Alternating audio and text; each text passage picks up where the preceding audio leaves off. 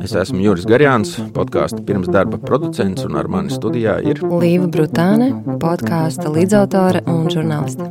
Sociālo uzņēmēju patiesie stāsti seriālā Pagrieziena punkts. Atklātas sarunas pirms un pēc notikuma, kas visu mainīja. Mums, piemēram, bija mājas restorāns, mums nonesa, vienkārši nonesa. Mums izaida visu. Un tā mēs skrējām vēl vienu boršu un varēņikus. Un, zin, kā tur tā mīklā jāatpūšās, lai viņi būs, viņi bija pusi. Nu, vispār bija traki, bet mēs visi pabrojam. Dažreiz gadījums saved kopā cilvēkus ar ļoti atšķirīgiem dzīves stāstiem. Rodas ideja par kopīgu uzņēmumu, un idejas īstenošanai ir nepieciešams mazs brīnums. Ir 2022. gada 27. decembris. Podkāstu radošā grupa dodas uz Čekavas novada plakanciemu. Mūsu žurnālisti Līva tur gaida Līga. Viņa ir novada aktīviste, pieredzējusi uzņēmēja, kura jau vairākus gadus vada zirgu un cilvēku labsajūtas centru Dabas zirgi. Tas ir pirmais sociālais uzņēmums Latvijā, kurš nodrošina īpašu aprūpi un cienīgus apstākļus veciem vai nedziedināmiem slimiem zirgiem.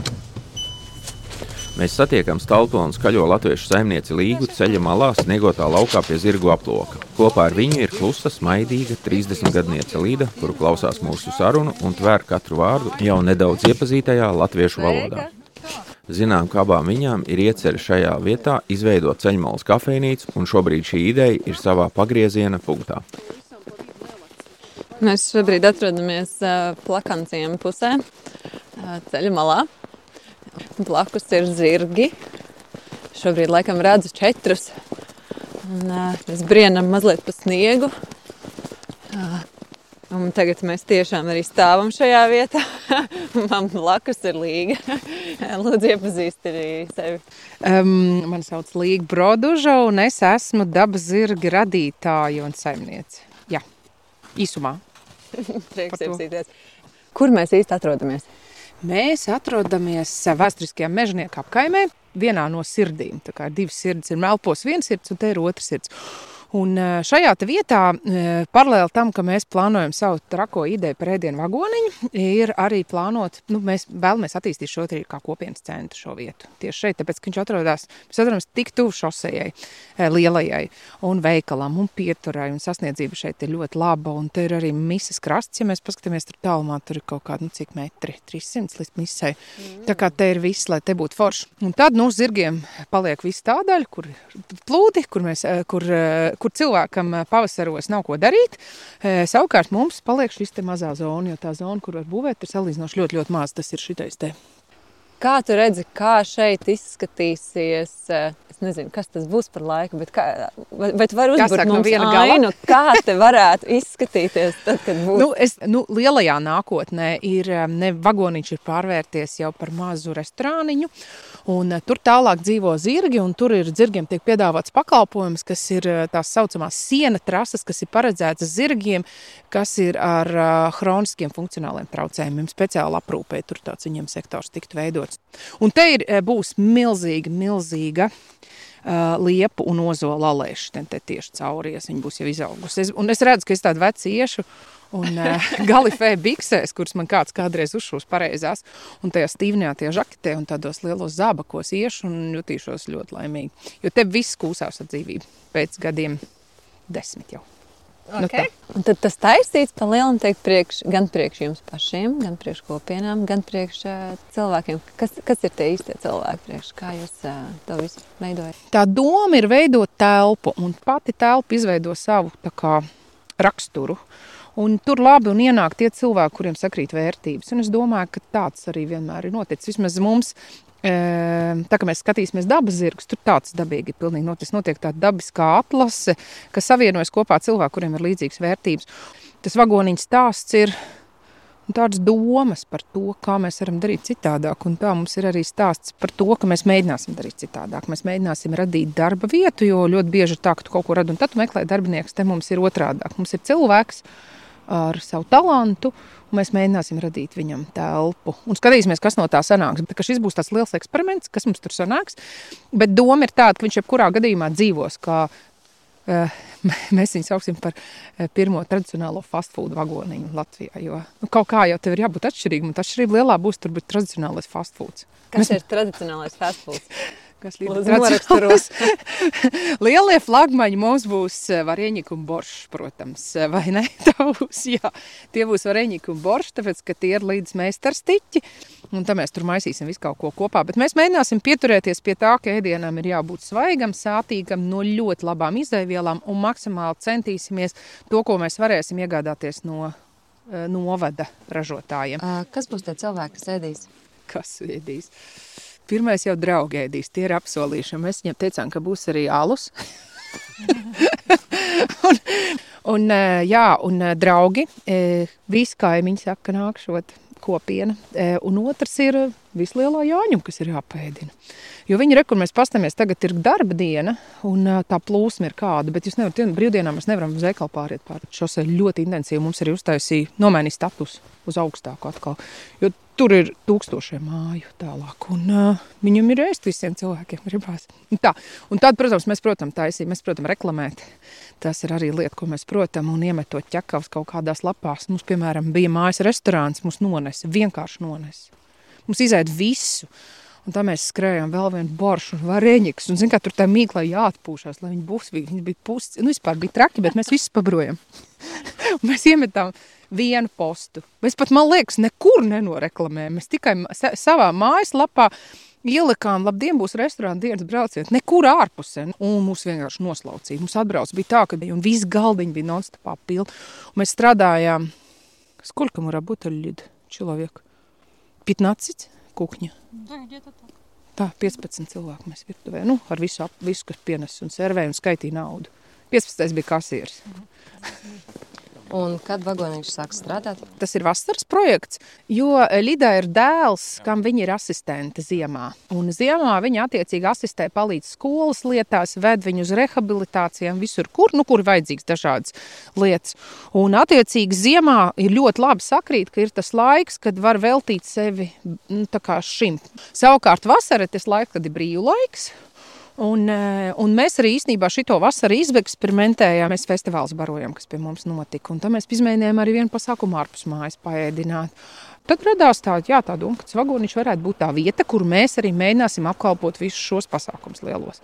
Un tagad tas eh, pie kā mēs esam nonākuši, mēs paši būvēsim. Es nezinu, kā mēs to visu izdarīsim, bet uh, sākumā tā doma bija padzīvot, saprast, sagaidīt pirmo PVD pārbaudi, un tad jau arī būs vairāk skaidrs. Tad viņi mums arī norādīs, ko vajag, un tad ir vieglāk. Tad pārējām mēs uz vietu. Jā. jā, super. Laižam. Saruna turpinās dabas zirgu mājvietā. Līga apsēdina viesus pie lielā saimnes galda, bet Līda vāra tēju un nav grūti pamanīt, ka šajā virtuvē viņa jau jūtas kā mājās. Nu, tā. Um, tagad jau mēs esam uh, mājās, uh, sēžam pie galda ar tēju, ēdot uh, tikko ceptas vafeles ar uh, paštaisītu ābolu zapti.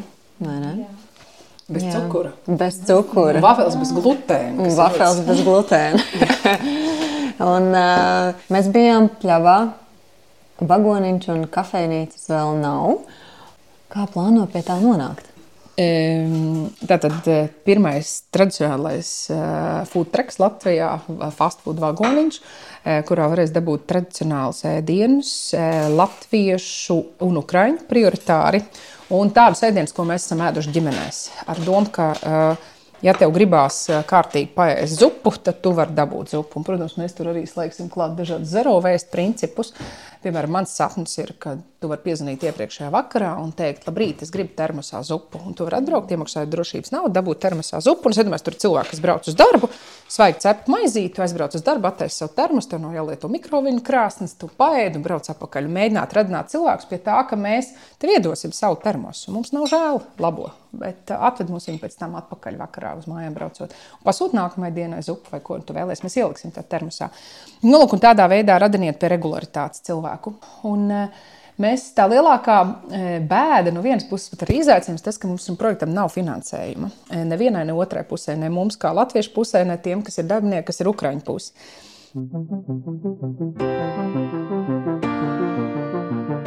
Pagrieziena punkts. Ir īstais brīdis sarunā iesaistīties Lidai. Vēl pirms gada viņa dzīvoja Ukrainas austrumu pilsētā Kupjanskā, kas ir netālu no Harkivas un pāris desmit km no Krievijas robežas. Okupācija tur sākās kara otrajā dienā. Līdz stāsts par dzīvi, kas sagriezusies kājām gaisā. Меня зовут Лидija Riepka. Мы приехали из Украины. Mēs esam atbraukuši no Ukrainas ar vīru un bērnu.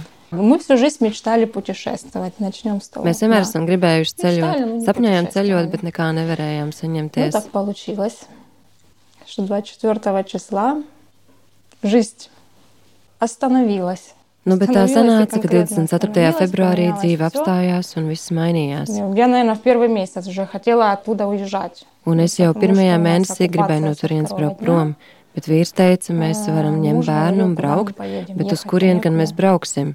Ну, говорит, Mums хорошо, nav kur забираем braukt. ребенка и едем. Куда мы едем? Я говорю, не знаю, куда, лишь бы куда-то. Es atbildēju, Где nezinu, spokojно. vienalga uz kurien, lai tikai nebūtu Мы bīstami. сидели до последнего, Tā kādu пока laiku уже не nevarējām izlemt, началось там līdz tur такое, kļuva что patiešām bīstami. Sāka проверять pārbaudīt mašīnas, машины, runāt в nedrīkstēja, общем, ну, par жизни Ukrainu нет, varēja говорить aizmirst ничего tikai нельзя par плохо. Krieviju. За Украину вообще надо забыть, только Россия и все остальное. И э, решили одним Un днем vienā просто, dienā mēs pieņēmām lēmumu, ka rīt что brauksim завтра prom. утром мы Paziņojām уезжаем. tikai Сказали только vecākiem. родителям. Родители были тоже в шоке. Собрали чемодан, Sakrāmējām vienu koferi, mašīnā vieta pietika tikai Arčama ratiņkrēslam. Braucām caur Krieviju, jo uz Ukrainu nelaida automašīnas, varēja iet tikai kājām. Bet ar bērnu ratiņkrēslā iet nebija iespējams. Pirms как мы braukšanas будем mums ехать, vajadzēja потому izdomāt что leģendu, сказали, jo транзита не vienkārši cauri пускают, Krieviju нужно izbraukt придумать uz ārzemēm историю. nevar. Mums И- mājās и nebija мало ne того, что у нас elektrības, дома ne не было ни telefona света, ни sakaru. связи, Mobīlo signālu э, varēja связь noķert была ārpus на поле, pilsētas, klajā э, laukā. там 5-6 no 5-6 rīta нужно было vajadzēja идти, iet и un можно nosūtīt отправить īziņu. SMS, не Zvanīt nebija позвонить. iespējams. Э, Такой, как мобильной связи вообще не было. Был интернет, там можно было поймать какие-то какие-то там мегабайты. Я утром, ой, днем э, писала смс Pa dienu es sarakstīju īsiņas, un tad no rīta klajā laukā sāku tās sūtīt projām. Pāris stundas pagāja, lai nosūtītu ziņas cilvēkiem, kuri jau bija aizbēguši, lai pajautātu, kā vispār ā, notiek izbraukšana, kas И на следующий jāsaka. день мы приезжали, я читала ответы. Опять Un tad загружала, nākamajā dienā опять es читала saņēmu ответы, atbildes. опять въехали домой, Braucu писала, mājās, что lasīju мне ziņas, нужно. rakstīju jaunas, un Последние atkal дни я уже nākamajā rītā прятала uz телефон lauka под э, nosūtīt. сиденье. Pēdējās dienas es slēpu telefonu zem mašīnas sēdekļa. Я пыталась представить, как это Man pat вот, grūti э, iztēloties, kā tu чтобы jūties, ka вообще nav не можешь iespējams никому nevienam pat написать piezvanīt. нормально и получить ответ. В этом, по- на Tu этом stāv поле ты tajā стоишь, laukā, vēl дождь, lietus vai снег, sniegs, мы- un стоит citreiz два paiet часа, и ты divas ищешь stundas, связь, ее pirms надо noķer поймать. signālu. Un tas ir uz Paimat Krievijas связь на русскую simkartes, карточку. un vēl vajag, lai И, karavīrs мало tev того, nepamana. что- Pēc tam, kad mēs Да, и- и aizbraucām, еще, viņi jau чтобы zināja никто par не видел telefoniem, из sāka военных. cilvēkiem atņemt telefonus. Как мы уехали, Patiesībā mēs там, aizbraucām, гоняли un уже daudz no tām briesmām nepieredzējām, kas notika jau pēc tam, kad sāka pazust cilvēki, kad tur kļuva pavisam grūti. э, не увидели того, что там было, когда мы уехали. Когда людей начали уже забирать. Это было очень тяжело морально. Э, м, Мы не смотрели, не- ну, телевизор не смотрели, потому что нечего было Kad смотреть. tur bijām, mēs neskatījāmies Nu, televīziju un не neslēdzām включали iekšā компьютер, datoru, потому что jo es мне baidījos, ka казалось, kaut что kas я не notiks, услышу, ka es когда nedzirdēšu sprādzienu. будет сильный вз- взрыв, Es visu laiku и, gaidīju, kad notiks kaut kas что-то briesmīgs, случится. un Обязательно drēbes должно pirmo было reizi что-то novilku случиться. tikai, У меня всё kad время atbraucām uz такое было, Latviju. Что-то должно случиться. Līdz Я jūnijam не разделась mēs здесь dzīvojām только gaidot первый раз, когда visļaunāko, есть ситуация в jo es феврале domāju, месяце, в ja июне. tagad kaut kas Ну, notiek, es потому что, да, я nedrīkstu все время tērēt думала, laiku, если вот сейчас lai наступит, pati мне собрать saģērbtos, jo man Артема taču надо. vēl jāpalīdz apģērbties Я-то Artemam. быстро оденусь. Jo Артём. 24. februārī, Уже kad когда 24 dzirdējām февраля par kara наступила война, sākumu, я es сказала, lūdzu «Сынок, viņam быстренько saģērbties, поднимаемся». un bērnam И pagāja он trīs собрался, stundas, три lai часа. uzvilktu drēbes. Три часа ребенок одевался, потому что он тоже не понимал, он, не- он не, не верилось никому. И, и все звонят и говорят, нужно собрать быстро Mēs вещи visi первой bijām apjukuši необходимости. А ты cilvēki, сел и kas zvana думаешь, un ну, saka, у кого- ka у кого vajag что salikt приходит somā на pirmās ум, что такое nepieciešamības вещи первой preces, необходимости. bet tu liec somu un Ну domā, ладно, мы собрали kas nu мы kuram там ienāk деньги, prātā которые ielikt были, tajā somā. документы. Mēs Ну, всё ielikām вроде бы, да? somā naudu un Какие ещё? dokumentus un viss. Лекарства мы Tikai положили piektajā уже на dienā пятый день, iedomājamies например. ielikt somā Никто zāles. даже не вспомнил за те лекарства в первый день, если бы вот в первый день нужно было сразу. Это потом сидишь, Oi, точно, Pēc tam tikai atceries, ko vēl vajag ielikt līdzi, un tas kofers mums sakrāmēts nostāvēja no februāra. месяца он стоял у нас возле порога. Когда мы 30 мая уже выехали, я помню, открыла, а там все зимнее лежит. Kad 30. maijā mēs izlēmām braukt, es atvēru koferu, un tur ir pilns ar ziemas drēbēm. Un pat smieklīgi, ka es tur biju ielikusi siltu pidžamu. Zачем я его положила, не знаю. Вот просто вот машинально мне казалось, что domājis, ka būs jāsēž augstā pagrabā un tāds drēbes noderēs. Ну, под низ, наверное, думаем одению. Я не знаю, зачем. Tā es tās ziemas drēmas izņēmu un ieliku vasaras drēbes. Bet atbraucām uz šejieni, bet šeit ir ļoti augsts. Это было очень смешно. И нам все говорят, saka, вы что, не могли vai jūs nevarējāt padomāt, palasīt par kaut ko, kāds šeit ir klimats, ka te ir ziemeļi, bet neviens jau nelasīja, kāds būs laiks tur, uz kurieni bēgām. Mēs vispār neko nezinājām par Latviju, kāds šeit laiks, kādi cilvēki, ka šeit cilvēki prot krievu valodu, mēs vienkārši braucām uz pirmo drošo valsti, kur varējām atrast. Просто вот ехали в никуда, не знали куда. Просто это была первая безопасная страна, Nu, uznāli все. Pēc tam, kad mums pastāstīja, mēs uzzinājām, ka izbraucot no Ukrainas nekādā gadījumā nedrīkst teikt, ka mēs brauksim uz Eiropu. Jāsaka, braucam pie draugiem vai radiem. Или к друзьям, или к родственникам. Un es atcerējos, ka man ir brālēns, kur pēdējo reizi satiku bērnībā. Izrādījās, ka viņš dzīvo Plaskavas apgabalā. Mēs izlēmām, ka tā ir laba iespēja un stāstījām, ka braucām pie radinieku uz trīs mēnešiem. И мы решили, что точно мы поедем туда. Мы там едем там в гости на три месяца мы написали. И ехали три дня. Mēs braucām trīs dienas. Smagi jau bija uz mūsu robežas ar Krieviju. Jau tur sajūta bija briesmīga. Mums paņēma pirkstu nospiedumus, DNS paraugus, bija jāziņo, kādi radi palika Ukrainā. Jautāja, vai mēs zinām, ka esam nodevēji. ДНК на спину. Кто остался дома?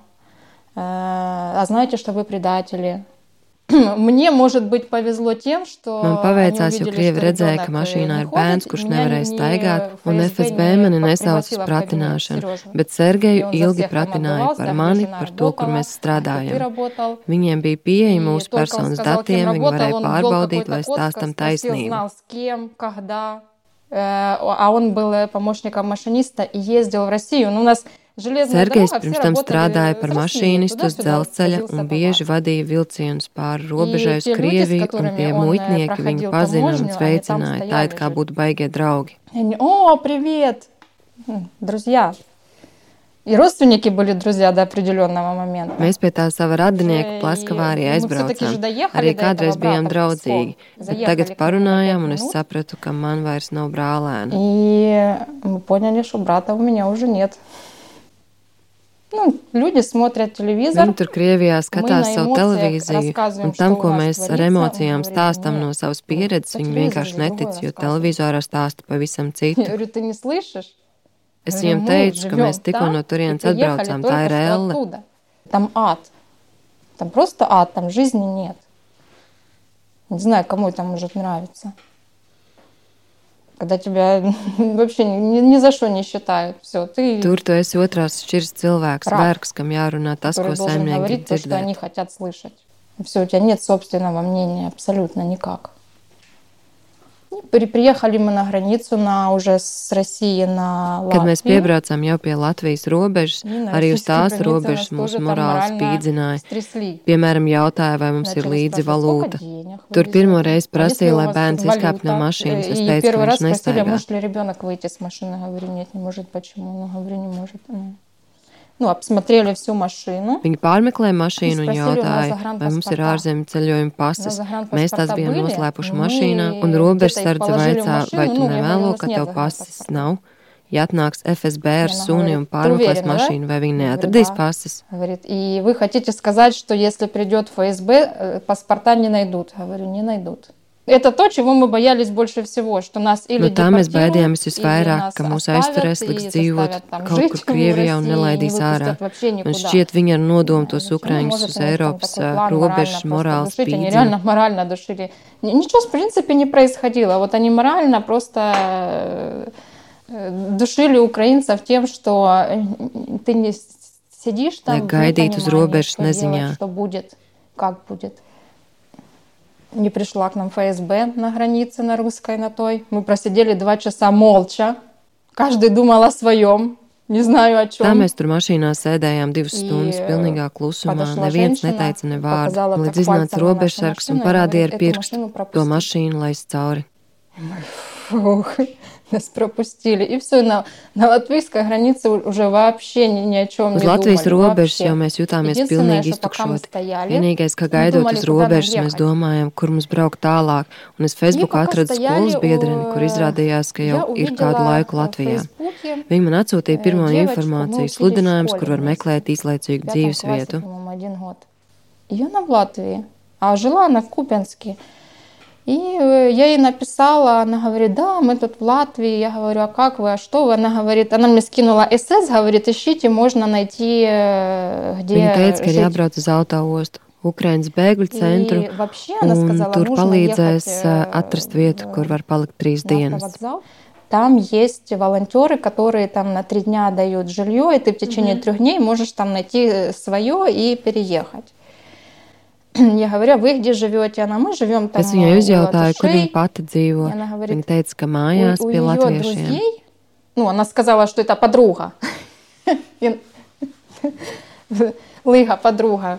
Viņa ieminējās, ka viņas Есть, draudzenei, э, tā тоже viņa жилье nosauca там, ну, Līgu, на два дня esot можно. iespēju uz divām dienām На два izmitināt.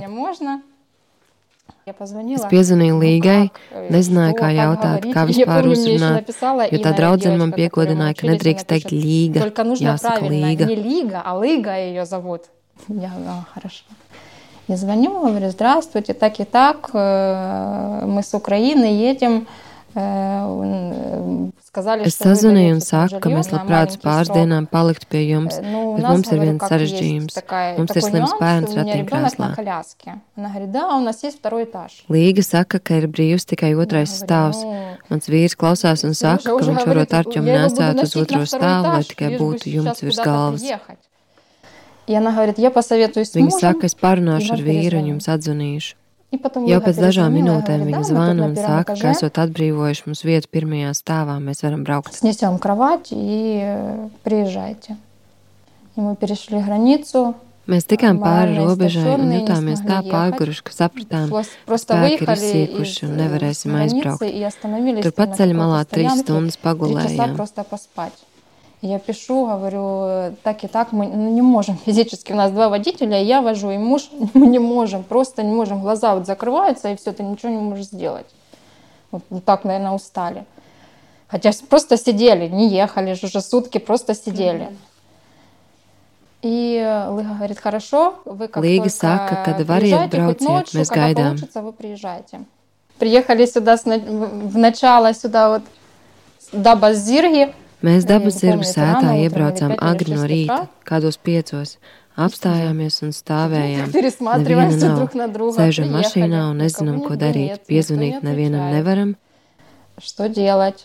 Rakstīju savai draudzenei, Ну, viņa arī напишу visu этой nakti девочке, negulējusi, тоже pārdzīvojusi par утром, mums. может быть, они устали. Она, Arī кажется, Līga тоже всю bija ночь mūs не visu спала, nakti переживала. gaidījusi, bet И pret Лыга не rītu спала. Ну, под aizsnaudusies. утро просто заснула. Уже от того, что целую ночь ждала, ждала, она просто под утро заснула. А у нас же связи нет, только интернет есть. Да. Мы не можем позвонить, нет уже карты. Un tad pagalmā iznāk Līga, aicina mūs iekšā, Nabirājot. apskāvāmies. Показывает нам, заезжайте. Вышла Лыга, обняла. Ну и все, и остались Un тут. tā arī šeit palikām. Просто остались. Она говорит, ну куда вы пойдете? Līga saka, kur nu jūs Куда вы brauksiet? пойдете? И уже Un tam mēs atbraucām 1. приехали jūnijā, 1 un tagad июня. ir jau gandrīz 1. а janvārs. сегодня у нас уже какое почти 1 января. Да. Вот, и живем тут так. Вообще, люди, конечно, Tā mēs šeit dzīvojam pie cilvēkiem, большой душой kuriem и ir liela сердцем. sirds un dvēsele.